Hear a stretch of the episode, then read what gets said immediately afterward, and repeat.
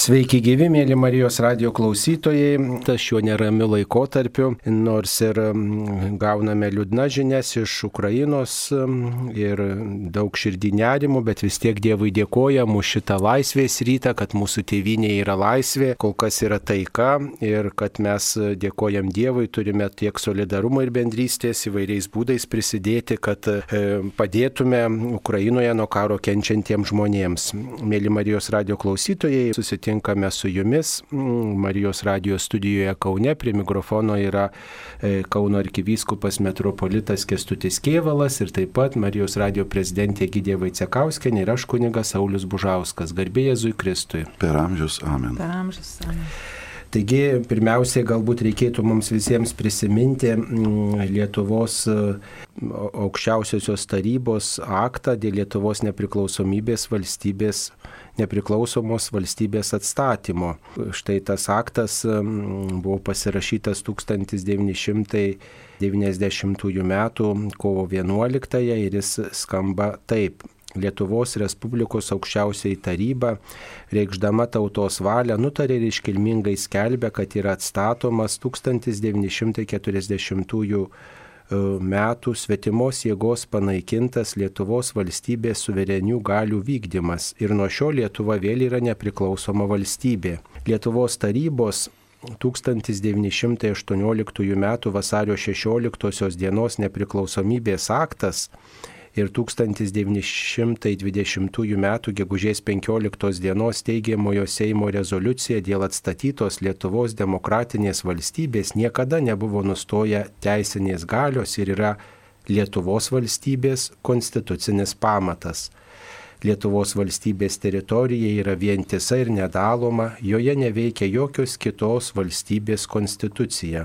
Lietuvos valstybė pabrėžia savo ištikimybę visuotinai pripažintiems tarptautinės teisės principams, pripažįsta sienų neliečiamumą, kaip jis suformuluotas 1975 m. Europos saugumo ir bendradarbiavimo pasitarimo Helsinkyje baigiamajame akte, garantuoja žmogaus piliečio ir tautinių bendrijų teisės.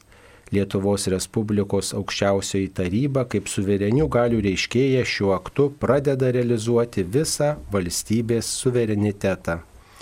E, šį aktą pasirašė aukščiausiosios tarybos e, pirmininkas Vytautas Landsbergis ir taip pat e, pasirašė Liudvikas Sabutis sekretorius. Ir taip pat buvo kitas aktas, kurį pasirašė, šį patį tekstą pasirašė visi Lietuvos e, aukščiausiosios tarybos deputatai, kurie balsavo už šį aktą.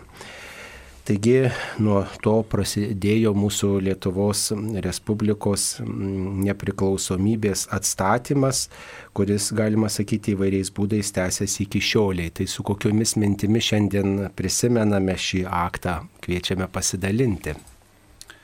Reikia pirmiausia pasakyti, kad tai buvo krikščioniškųjų darybių, tikėjimo, vilties ir meilės realizavimas mūsų tėvinės Lietuvos kontekste tikėjimas, kad mes galime būti nepriklausomi, kad mūsų valstybė, kuri turi tokią gražią ir nepaprastai turtingą istoriją, gali toliau moderniame pasaulyje vystyti savo istoriją ir savo likimą. Niekada nepaleido mūsų viltis, kad nežiūrint okupacijų, įvairiausių išbandymų, tremčių, partizaninio pasipriešinimo, taip pat daugelio žmonių kančių ir nusiminimo, kuris buvo sukeltas, kad tarsi gyvenam savo žemėje, o vis dėlto esame kaip svetimi. Ir tada meilės aktas, būtent tėviniai, kuriai mums padovanota pačio kurėjo. Jis mums paskyrė šį kraštą gyventi šį laiką, kuris toks, kuriame reikėjo labai daug krikščioniško ryšto. Jeigu ne tikėjimas ir pasitikėjimas Dievu, vargu ar mes būtume galėję švęsti šią dieną. Daugelis žmonių vis dėlto sėmėsi įkvėpimo, paguodos ir vilties iš viešpaties, kad neteisybė negali viešpatauti amžinai, kad tirono ar priespaudo valdžia negali tęstis, nes tokia yra Dievo tvarka. Jis taip sukūrė pasaulį ir bet koks užmojis priešintis jo tvarkai yra pasmerktas žlugti. Šio tikėjimo kontekste, aš manau, gimė ir kovo 11 stebuklas. Mes matėme tą sekmadienį, kaip vyko debatai e, Seime ir kokia buvo vis dėlto nelengva kelionė į šio akto pasirašymą. Buvo svarstymų galbūt vis dėlto rinkti švelnesnį kelią, vadinamo e, tokio, na, pusiau laisvės e, kelionę. Ir šiandien mes matome, kad drąsa pasiteisino, kad tas ėjimas ekstra mylę į priekį su drąsa, kad būsime viešpaties išgirsti ir palaikomi pasaulio, tikrai davė nepaprastai gražų vaisių. Mūsų laisvės istorija, kuri jau trečias daugiau 30 metų. Ukrainos įvykių kontekste kovo 11 šiais metais dar brangesnė šventė, dar gilesnę prasme išvelgiame jos reikšmės ir dar labiau jaučiam, kad viešpas kviečia mus melstis už mūsų tėvynę, branginti e, nepriklausomybę ir kovoti dėl Lietuvos suvereniteto, Lietuvos nepriklausomybės. Turbūt kaip tik tai tie įvykiai Ukrainoje e, ir parodo, kad tuo met 1990 metais Lietuva tikrai pasuko visiškai tokiu teisingu keliu ir matom, kaip dabar Rusijoje nesiskaitoma nei su kareiviais, nei su savai žmonėmis, kiek daug melo, kiek daug apgaulės ir jeigu mes nebūtume pasukę tuo keliu, tai tikriausiai e, na, būtume amžiams praradę tą laisvės tokį pojūtį, kokiu galime šiandien džiaugtis. Daug daugybė žmonių gali to, tos e, laisvės vaisius raškyti ir, ir gerėtis, e, na, kad ir kartais gali ir apkarsta tie laisvės vaisiai ir ne visada mes suvaldome tą laisvę, tačiau yra galimybė pasirinkti ir prisimti atsakomybę už savo pasirinkimus. E, kaip jums, mėla gydija, štai ta kovo 11, kurią turbūt prisimenate ir stebėjote per televiziją visus tos ir balsavimus, ir tą nuotaiką turbūt gyvenote, tais 1990-aisiais. Mėly Marijos radio klausytojai, noriu vis tiek pradėti nuo sveikinimo su tokia brangia diena mums visiems, kovo 11 kaip laisvės diena. Ir tuo labiau, kad ir esam daugumą iš mūsų esame liudininkai to istorinio įvykio, tokio svarbaus, kuris e, randamas dabar aprašytas, e, rasime visur, kas tai yra kovo 11, kokie įvyko įvykiai, ką, ką priėmė tuo metu taryba, kas buvo pasirašyta, kiek signatarų buvo, bet Žinot, man tai šita šventė visada tiek vasario 16, tiek kovo 11, tiek sausio 13, jos visos tiesiog eina kas mėnesį ir sukoncentruotos, galima sakyti, į jų eigas sausio 13, vasario 16, kovo 11. Visas šitas laikas tai man toks e, staptelėjimas ir e, dėkojimas Dievui dėkojimas Dievui, kad vis dėlto jisai šitais e, žingsniais, kurie vyksta Lietuvoje, kur mes per šitus žingsnius gaunam ir turime laisvą nepriklausomą Lietuvą, labai rodo stipriai savo veikimą ir begalinį Dievo gailestingumą. Nes e, to įvykio, kurio ir pati esu liudininkė, kovo 11-osios, įvykis jisai tiesiog galiu drąsiai sakyti, ištiko Lietuvą visiškai netikėtai, e, visiškai, nu, be abejo, mes girdim liudininkų pasakojimus, buvo Baltijos kelias, buvo kažkoks judesys, buvo dar kažkas tai, bet e, tai yra didelė dovana, dangaus dovana, turbūt už tą mūsų Lietuvo žmonių, kurie gyveno prieš mus, už jų begalinį ištikimybę ir meilę Dievui, už jų meilę rožinio maldai, už jų išstovėjimą, nežiūrint e, tremčių, nežiūrint suspaudimų, kančių, už jų tą tikėjimą, viltį ir, ir begalinį pasitikėjimą Dievu. Tai buvo mums tikrai labai didelė dovana, ypatingai kovo 11-osios įvykiai, ypatingai sulyginant šiuo metu, kas vyksta Ukrainoje ir, kiek, ir kaip mes matome, kiek žmonės šią dieną patiria kančių ir kokios vyksta kovos ir nežinome, kaip bus sekančią dieną, koks bus rytojus Ukrainoje, tik matome jų begalinį ryštą, tai man tai taip žinot iš karto e, kartu kyla ir ta padėka už mūsų protėvius, už jų ištikimybę. Ir kartu, e, kaip ir uždavinys ir mums patiems, o kaip mes e, dabar esantis ir gyvenantis e, išstovėsime šitą laisvę, kurią gavome kaip didelę dovaną, kaip mes išstovėsime su tuo pačiu tikėjimu, e, malda, su rožiniu rankoje.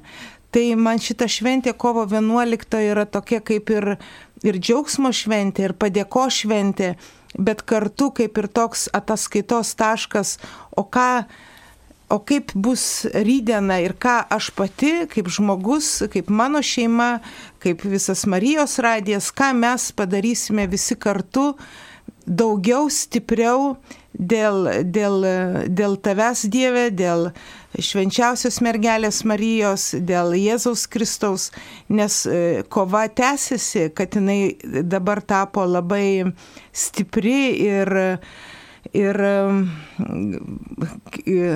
žinot, pranašų nėra, bet dauguma sako labai gal ir galutinė, gal prieš antrą Kristaus ateimą ta kova ypatingai stipri virš mūsų galvų vyksta. Ir, ir tą mes visi jaučiame per per įvykius, kurie vyksta šią dieną šalia mūsų kaimynuose Ukrainoje, bet taip pat ir jausdami per visus suspaudimus, kiekvienas išgyvendami savaip. Ir, ir štai ta kovo 11, tai kartu ir šventė, kartu ir pakili nuotaika, bet kartu ypatingai šiais metais yra ir tokia rimtis. Ir be abejo, ir šioks toks liudesys dėl to, kad labai sunku džiaugtis, kai lygiagrečiai e, matai žmonių kančias, kurios, vyks, kurios matai ir atvykusių ukrainiečių akise ir, ir tą sužinai per spaudą, kas vyksta šią dieną Ukrainoje.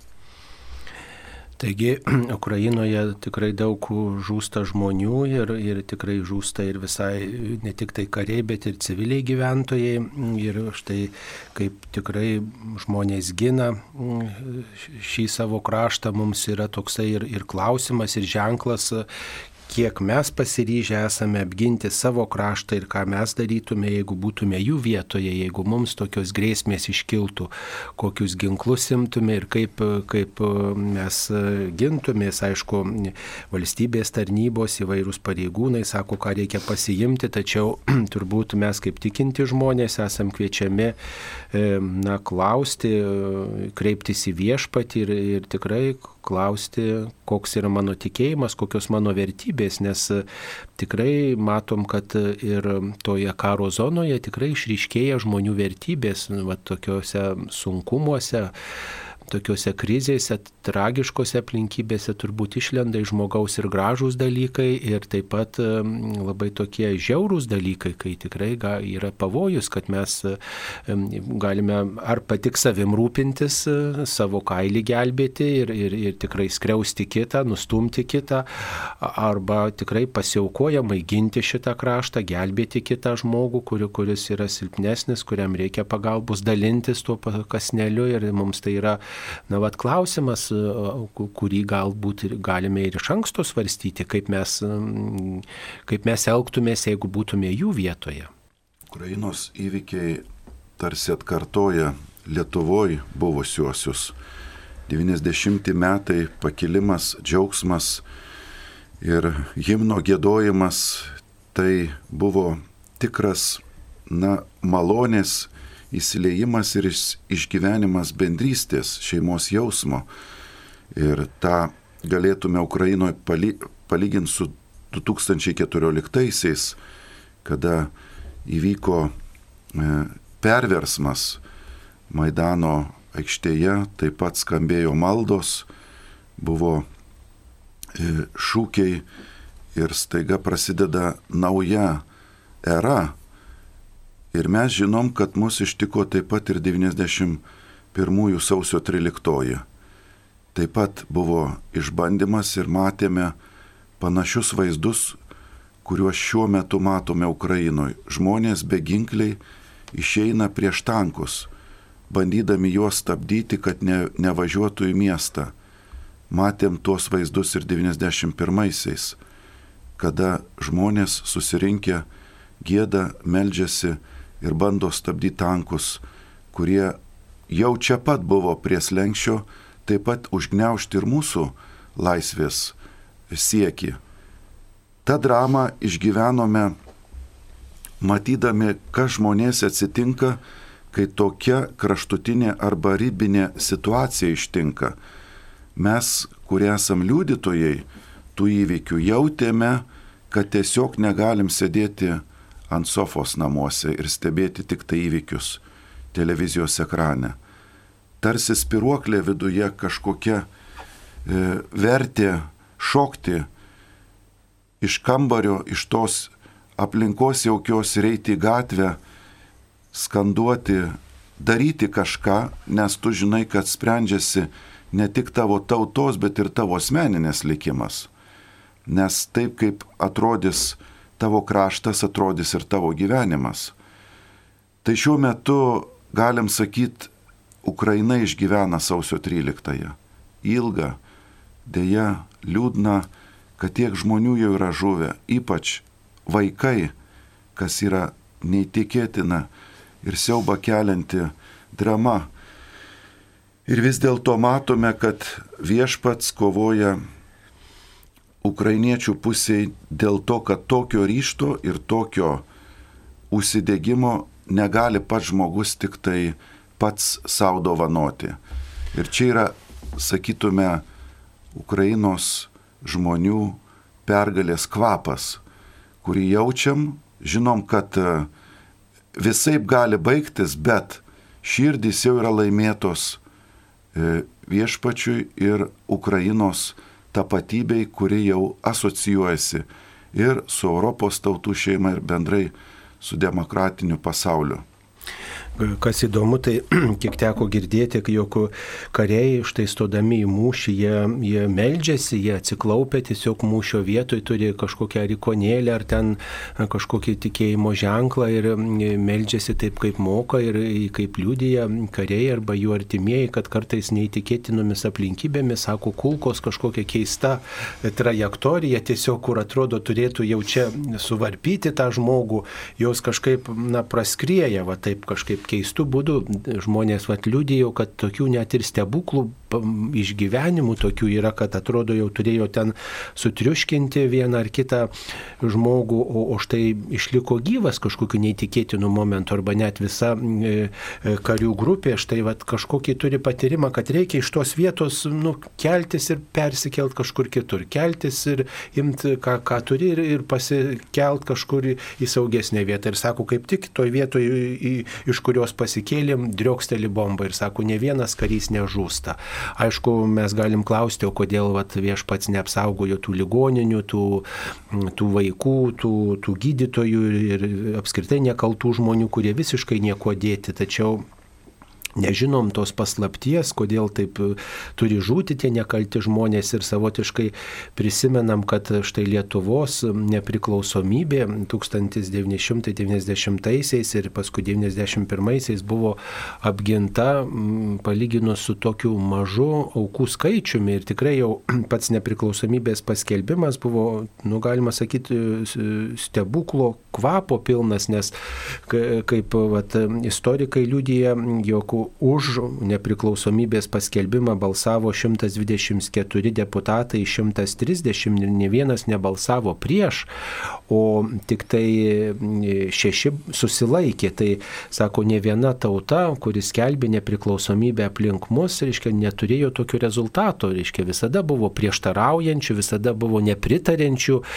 tokių atsargių žmonių buvo daug daugiau ir kad štai va taip susivienijo, palyginus tais laikais tokia marga ta aukščiausioji taryba ir kad tiek nedaug žmonių žuvo ir tie tankai nesutraiškė, kaip dabar traiško Ukrainoje žmonių, tai tikrai vat, mums gali paliudyti, kad Lietuvoje tikrai buvo labai daug stebuklų. Ir mes šitai galbūt pamirštam, kad tiesiog ant gamtinių būdų vat, atsilaikėm. Tiesiog, aišku, e, mus galėjo ginušluoti, tą parlamentą galėjo pievelė iš jos padaryti, arimus iš, iš tų visų mūrų ir ten galėjo nelikti jokio gyvo žmogaus su, su tokia kariuomenė, kokią turėjo e, Sovietų sąjunga tuo metu Lietuvoje ir tikrai mus galėjo e, sutriuškinti, kaip dabar triuškina žmonės ir kažkodėl to nepadarė ir, ir dėkui Dievui, turbūt tikrai tai yra stebuklo kvapas. E, nežinom, ar čia yra tikrai tų, tų kankinių, tų besimeldžiančių žmonių tarnystės vaisius, tačiau tai akivaizdus stebuklas, kad mes atsilaikėm, kad, kad Lietuva tokia maža šalis ir tiek daug kariuomenės tuo metu buvo sutelkta ir galėjo būti dar daugiau telkiama, o atsilaikėme ir ta mūsų kovo 11 buvo apginta ir, ir kad mes galim džiaugtis tais kovo 11 vaisiais ir priklausom ir Europos šeimai, ir, ir, ir mm, struktūrom, ir žmonės gali keliauti ir, ir tikrai skinti tos laisvės vaisius. Ir, ir kaip matom, kiek dabar daug žmonių žuva ir bėga iš, iš to krašto viską palikę, tikrai tai, tai mūsų tauta palyginus tikrai gali dėkoti Dievui už e, tą laisvės dovaną, kuri e, tuo metu, na, va, tai buvo apginta ir kad tikrai dabar brangintume tą laisvę, kurią turime ir kartu dėkotume Dievui ir padėtume tiem žmonėms, kuo galime, e, kas kuo gali pagal savo sąžinę, tiem žmonėms, kurie laisvę gina. Taip labai norėčiau irgi prisijungti prie tos minties, kad e, ne vienas yra e, dangaus stebuklas padarytas Lietuvai ir jeigu žiūrėti į visą e, Lietuvos istoriją, tai visa, ta, visa istorija, visi įvykiai, vardo paminėjimas Lietuvos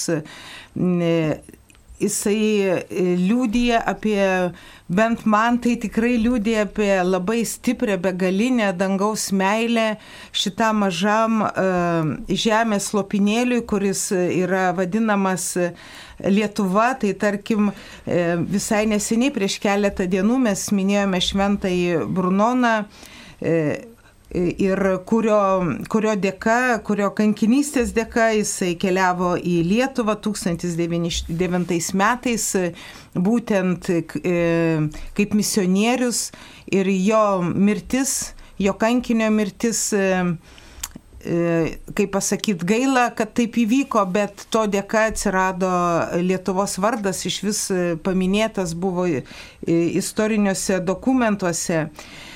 E, toliau, jeigu žiūrėti, tai yra 1251 metais Mindogo krikštas ir e, Lietuvos karūnavimas 1253 metais, kur ko dėka Lietuvos karalystė pripažinta tarptautiniu mastu.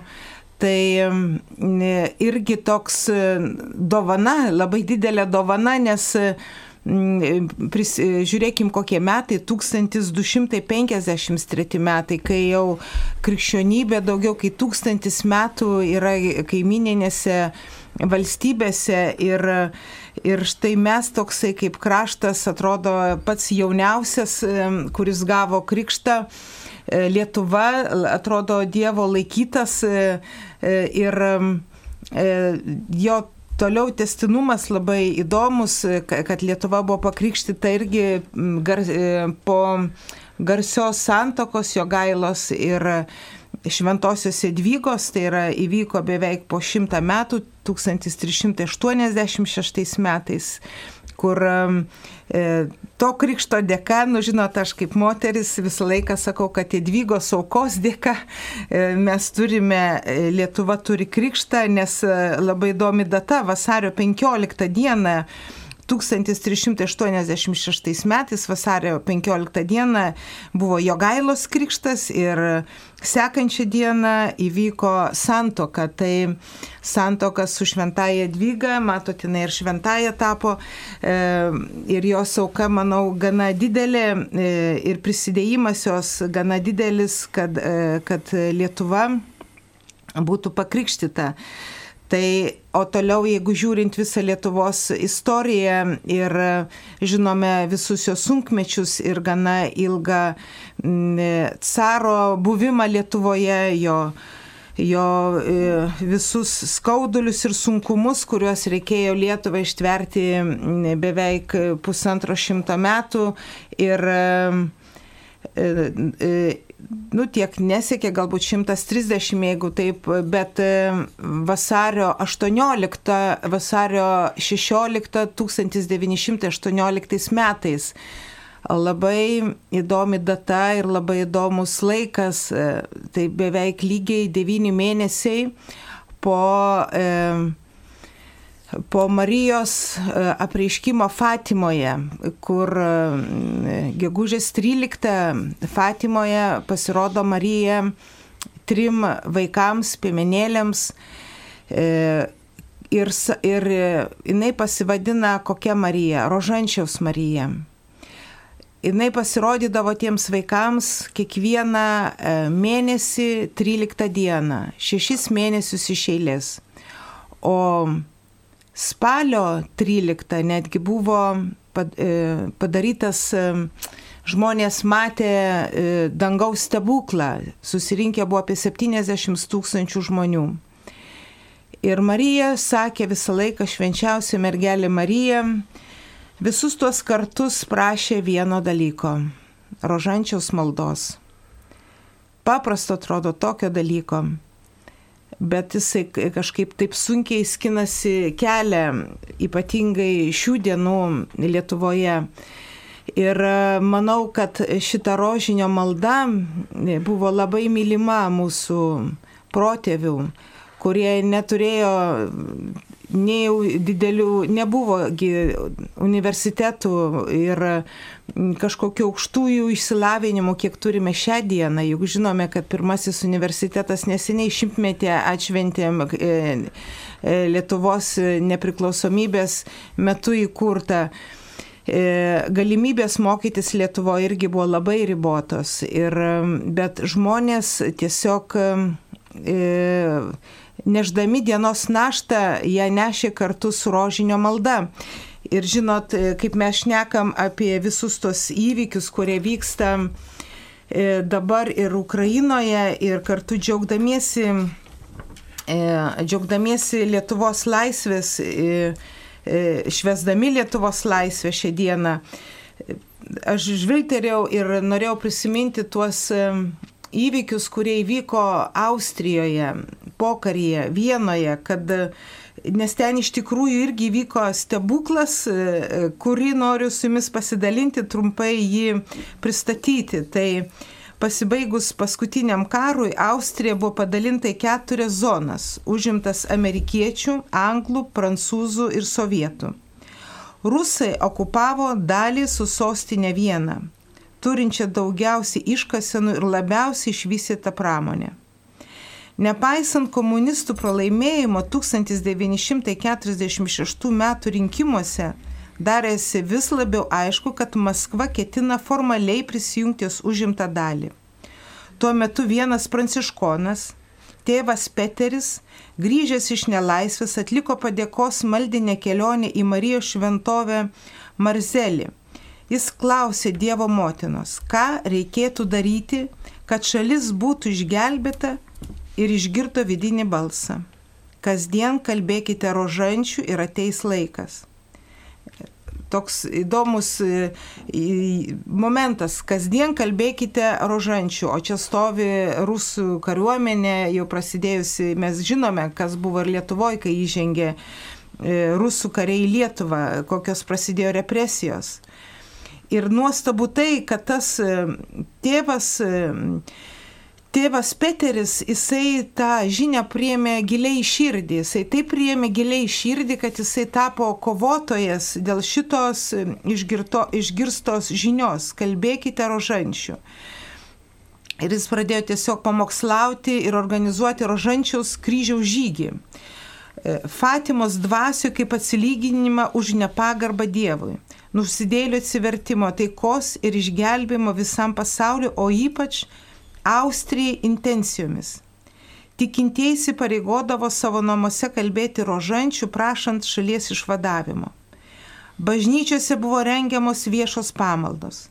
Per miestus ir kaimus ėjo šimtų, o kartais tūkstančių žmonių procesijos kalbant rožančių. 1949 metais būklė tapo kritiška po sufalsifikuotų rinkimų Čekoslovakijoje ir Vengrijoje galutinai pateko į komunistų rankas. Ten prasidėjo bažnyčios persiekimai. Vengrijoje buvo nuteistas kardinolas, pasodintas į kalėjimą, artėjo nauji rinkimai Austrijoje. Atrodo lemiama diena ir atrodo e, nėra vilties ir kalba rožinį ir eina žmonės gatvėmis su rožiniu rankose, o padėtis tik tai prastėja. Ir tokioje situacijoje tėvas Peteris nepasidavė. Nutarė suaktyvinti kryžiaus žygį. Paskelbė penkias dienas viešų, viešų maldavimų. Jų rezultatas rinkimuose komunistai laimėjo tik penkis mandatus. Tačiau Berlyne sovietų užsienio reikalų ministras Molotovas kancleriui Figeliui pareiškė, neturėkite iliuzijų. To, ką jau kartą užėmėme, netiduosime niekad. Kancleris paprašė tėvą Petrį dar sustiprinti maldas. 1955 metai, tai beveik šeši metais e, po, po Vengrijos ir e, Čekoslovakijos užėmimo, kryžiaus žygiai jau buvo beveik pusė milijono narių, 500 tūkstančių žmonių. Naujasis kancleris buvo iškviestas į Maskvą, kurį priėmė gegužės 13 dieną. Tos dienos vakariais rašė, šiandien Fatimos diena. Rusai dar labiau užsispyrė. Meldžiuosi Dievo motinai, kad padėtų austrų tautai. Žmogiškai mastant, viskas buvo prarasta. Bet kaip tik tuo metu įsikišo Dievas. Priešingai visiems lūkesčiams Maskva pripažino Austrijos nepriklausomybę. Paskutinis rusų kareivis paliko Austriją 1955 metais spalio 26 dieną, Marijos rožinio mėnesį. Vienoje buvo surinkta didžiulė padėkos ceremonija. Savo kalbose politikai ir dvasininkai vieningai kartojo, kad pergalės priežastimi buvo švenčiausios mergelės Marijos rožančinės užtarimas. Tai va, tai man e, šitiek taip pat istoriniai įvykiai, kurie vyko e, kitose gretimuose šalyse, rodo ir dangus rodo mums, kokia yra galinga rožančiaus malda. E, ir koks yra svarbus, kad ir e, štai vieno žmogaus užsidegimas, vieno žmogaus užsidegimas e, skelbti e, ir burti žmonės į maldą ir koks stiprus rezultatas - iškovota nepriklausomybė. Ir žinot, ir E, man taip galvojant, nušvenčiant kovo 11 kaip laisvės dieną, mes visi ateinam taip, mes dėkojam ir keliausime į mišes ir katedrose, dėkosime Dievui už laisvę. Bet žinot, tai yra bendra šventė, tai yra dangaus ir mūsų šventė. Ir mes turime taip pat pagalvoti, o ką mes atnešam dovanų dangui, ką mes atnešam dovanų švenčiausiai mergeliai Marijai, kokį pasiryžimą kokią širdį ir kokią auką galime, galime kartu mm, padovanoti, e, girdint e, ir žvangant ginklams e, Ukrainoje. Ir šiuo pavyzdžiu remiantis tikrai labai norėčiau jūs visus, mėly Marijos radio klausytojai, mūsų, kaip sakyti, maldos siena, mūsų stiprybė e, burtis, burtis į grupės ir be abejo mes jau kvietėme ir, ir viskupai kvietė melstis bažnyčiose, bet jungtis prie Marijos radio iniciatyvos, išeiti į gatves išeiti į gatvę, išeiti pirmą mėnesio, imkim šeštadienį, Marijos nebūtinai pirmą, kiekvieną mėnesio šeštadienį ar pasirinktinai eikite į aikštės, liūdikite tikėjimą, liūdikite rožančiaus maldą, burkitės po 30 žmonių, po 20, tikrai galite savo aplinkoje surasti tą tokį žmonių kiekį ir, ir su malda e, melskimės, nes mes galime melstis. Melskime su tokia dviguba jėga už to žmonės, kurie kenčia Ukrainoje mes matome, e, kad Dievo malonės liejasi į mūsų širdis, nes mes galime liūdyti per tai. Pasižiūrėkite, kiek žmonių širdžių paliesta ir kiek padeda ukrainiečiams, kiek visi, kiek visi kas transportu, kas gyvenamo būdų, e, gyvenimo plotų, kas maistu, kas rūbais. Tai yra labai gražu. Bet tai irgi Dievo malonė, kad tiek žmonių atsiliepia į šitą ir yra jautrus, nes E, prisiminkime e, pokario laiką ar karo metu e, šalis buvo labiau susibūrusios viena į kitą ir rūpinosi daugiau savo teritoriją ir savo saugumu. Tai šiandieną mes matome, koks susitelkimas, bet tai kartu rodo ir begalinį Dievo gailestingumo veikimą visą šitą, šitą paskutinį, nu, šitą šimtmetį. Ir, ir mes E, tie, kurie žinome e, maldos galios, e, maldos galios veikimą, galios veikimą, jos stiprumą mes turime daugiau iš savęs pareikalauti, taip kaip ir, kaip ir pranciškonas tėvas Peteris, kuris tiesiog turėjo vilti neviltyje Jisai vienas būrė žmonės, neturėdamas nei radio, nei, nei, nei išmaniųjų telefonų, nei e, Facebookų, nieko. Jisai tiesiog ėjo e, ir Austrijoje būrė žmonės, kvieti į rožinio maldą, kur keliavo ne tik tai, kad e, užsidarė, bet turėjo drąsos eiti į gatvę ir daryti e, rožinio maršus. Tai e, labai žygius, tai e, labai kviečiame ir jūs, mėly Marijos radio klausytojai, būkite aktyvus, nežiūrėkite, kad ar, ar žinot, ar kunigas pakvies ar nepakvies, bet jūs patys, kurie mylite rožančiaus maldą ir tikite jos gale, dovanokime, dovanokime Lietuvai rožinio maldas, dovanokime Lietuvai rožinio maldas aikštėse dovanokime e, Lietuvai ir Ukrainai rožinio maldas už taiką. Už taiką ir, mm, už, e, kaip, ir tą pačią intenciją už taiką ne tik mūsų žemėje, bet už taiką pasaulyje ir taip pat ir atgailos intenciją. Mėly Marijos radio klausytojai, tęsėme laidą, kurioje kovo 11-osios e, proga dalyvauja Kauno arkivyskupas metropolitas Kestutis Kievalas, Marijos radio prezidentė Gidė Vaicekauskenė ir aš kunigas Saulis Bužauskas. Kalbamės apie kovo 11-ąją, kuri e, mums visiems yra kaip nepriklausomos Lietuvos valstybės atstatymo diena e, ir kuri atvėrė galimybę džiaugtis laisvę ir štai kyla įvairios mintys, kad e, už laisvę tikrai turime Dievui dėkoti ir esame kviečiami palaikyti šitą e, laisvės dovaną, laisvės galimybę ir maldą ir, ir įvairiomis pastangomis, kaip kas galime. Taigi, kaip galėtume šiandien minėti tą laisvės dieną ir kaip galėtume na, įtvirtinti labiau mūsų laisvę.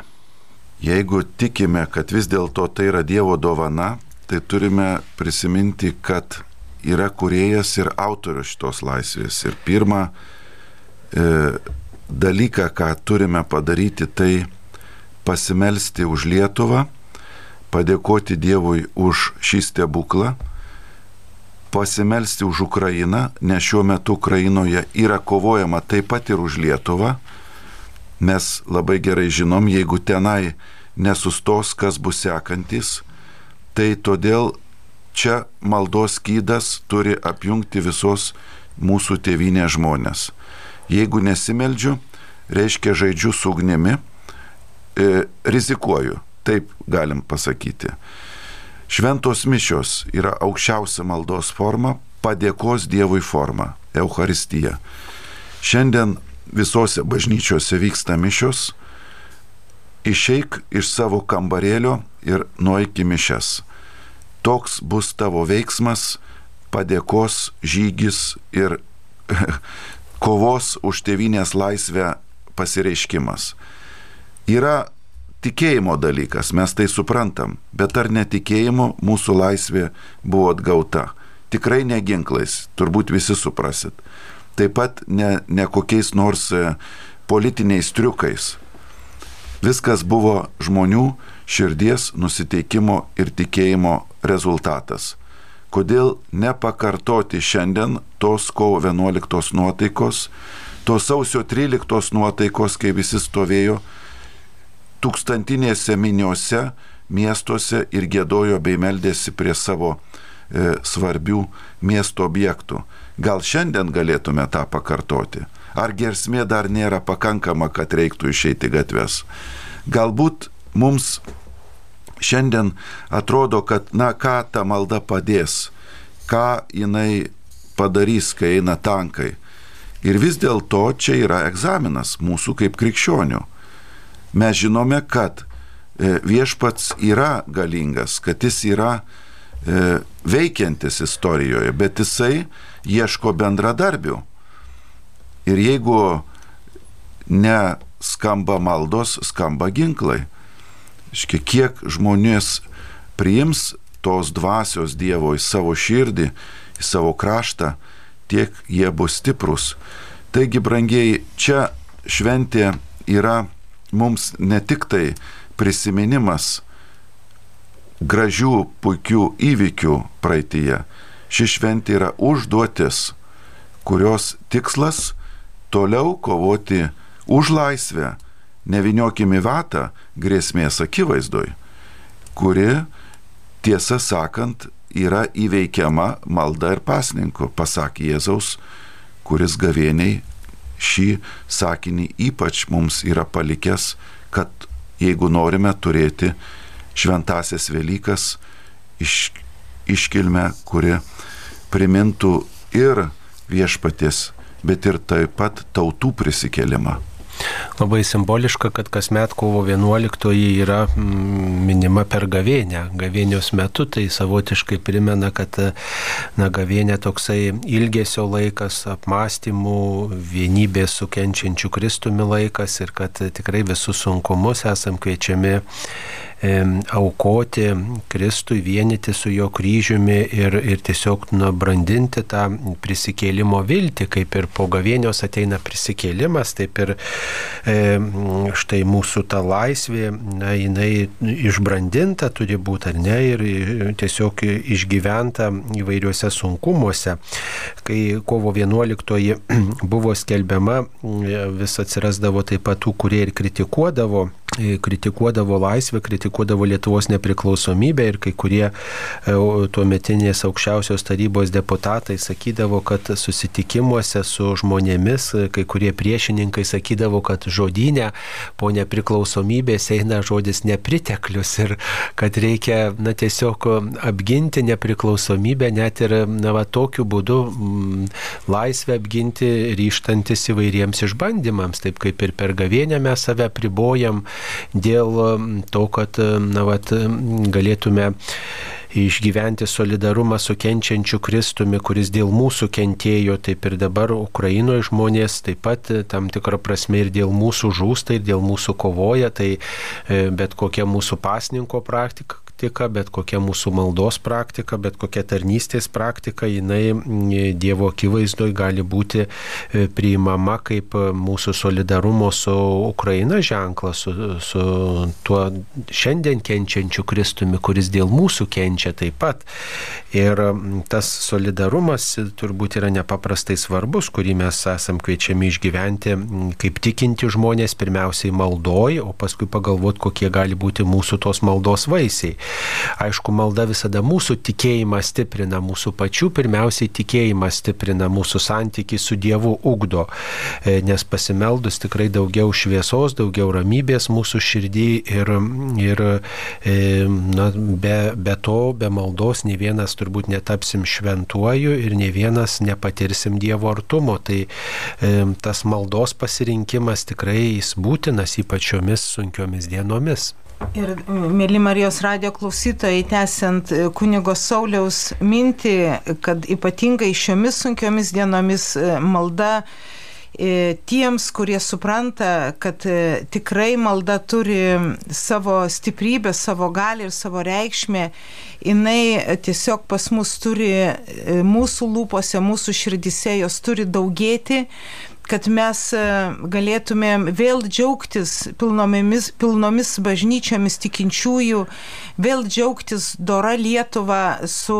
su dor įstatymais, kuriuos, kur leidžia auginti ir ugdyti dorą žmogų, kad mūsų šeimos vėl stiprėtų, kad mažiau būtų skirybų, kad vaikai galėtų aukti gražiose darniose šeimose, kad aplink mūsų meilės daugėtų. Ir nėra kito, kito vaisto ir, ir kito ženklo, kaip žinot, kaip sako, švenčiam kovo 11 visada gavėnios metu. O gavėnios metu yra tokia skaitinio vieta, e, kaip Jėzus sako e, aplink stovinčiams, jums nebus duotas kitas ženklas kaip Jono ženklas. Tai yra žodis. Ir, ir tas žodis e, mums irgi buvo duotas prieš ir bažnyčios pripažintas prieš šimtą metų Fatimos apsireiškimas, kur Marija labai paprastai, bet pastoviai kartojo tuos pačius žodžius maldos, rožinio maldos, kad išgel, išgelbėtumėm pasaulį ir kad išgelbėtumėm pasaulį nuo blogio, nuo blogio pinklių, kad e, rožinio malda jinai reikalinga ir kviečiu labai, mėly Marijos radio klausytojai, pergalvokite savo visas dienotvarkės, dauginkite maldą, dauginkite maldą savo lūpose, mažinkime pokalbius, trumpinkime uh, arbatos pertraukėlės, didinkime maldą, nes jei ne jūs, tai kas tada? Ir e, kartu, kartu be abejo e, kviečiame į į, į dalyvavimą ir mišiose, nes labai yra svarbus jūsų buvimas, nes mes turime būti bendruomenėse, dėkoti, ir garbinti Dievą ir priimti komuniją. Ir taip pat, naudodamasi progą, labai kviečiu visus atvykti į Šiluvą, kur iš kovo 12-13 vyks adoracija, padėkos adoracija E, Dievui už visas gautas malonės, už laisvę, už laisvę ir taip pat melžiant laisvės e, Ukrainai.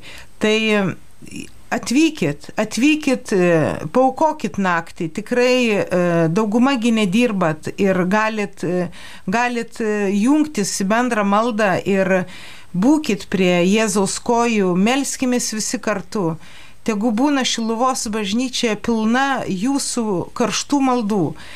Kas negali, be abejo, mes transliuosime ir, ir galit jungtis per eterį, bet pakilkit nuo sofų, nebijokit, jeigu kas sako, nu, su vaikais, su namais buvau mažai, gal man reikia dabar pabūti ilgiau, nebijokit, Marija pasirūpins jūsų vaikais, tikrai pasirūpins, bet jūsų maldos niekas nepakeis. Jeigu jūsų nebus, tai kas bus? Pasakykit, kas. Jūs esat kraštiniai ir būkite stipri, stiprus, ryštingi ir e, kelkit širdis, drąsiai kelkit širdis link dangaus, nežiūrėdami, kas aplinkui ką pasakys Ir labai kviečiu taip pat atsiliepti į tą kvietimą išeiti į gatvę su rožinio malda, burtis į grupės ir ne tik bažnyčioje melstis, bet liūdyti savo miestelių aikštėse, savo miestų aikštėse,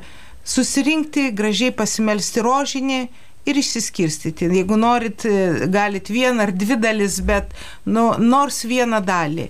Ir tai stiprus liūdėjimas tiem žmonėms, kurie stovinioja, stovinioja laukia širdis veržiasi kažkur tai lyg į tą bendrą gėrį, mes matome, kad tikrai veržiasi, nes pažiūrėkit, kiek žmonių atsiliepė pagalbą į Ukrainai, tikrai jie veržiasi, bet kažkaip neteina į bažnyčią, nežinom kodėl.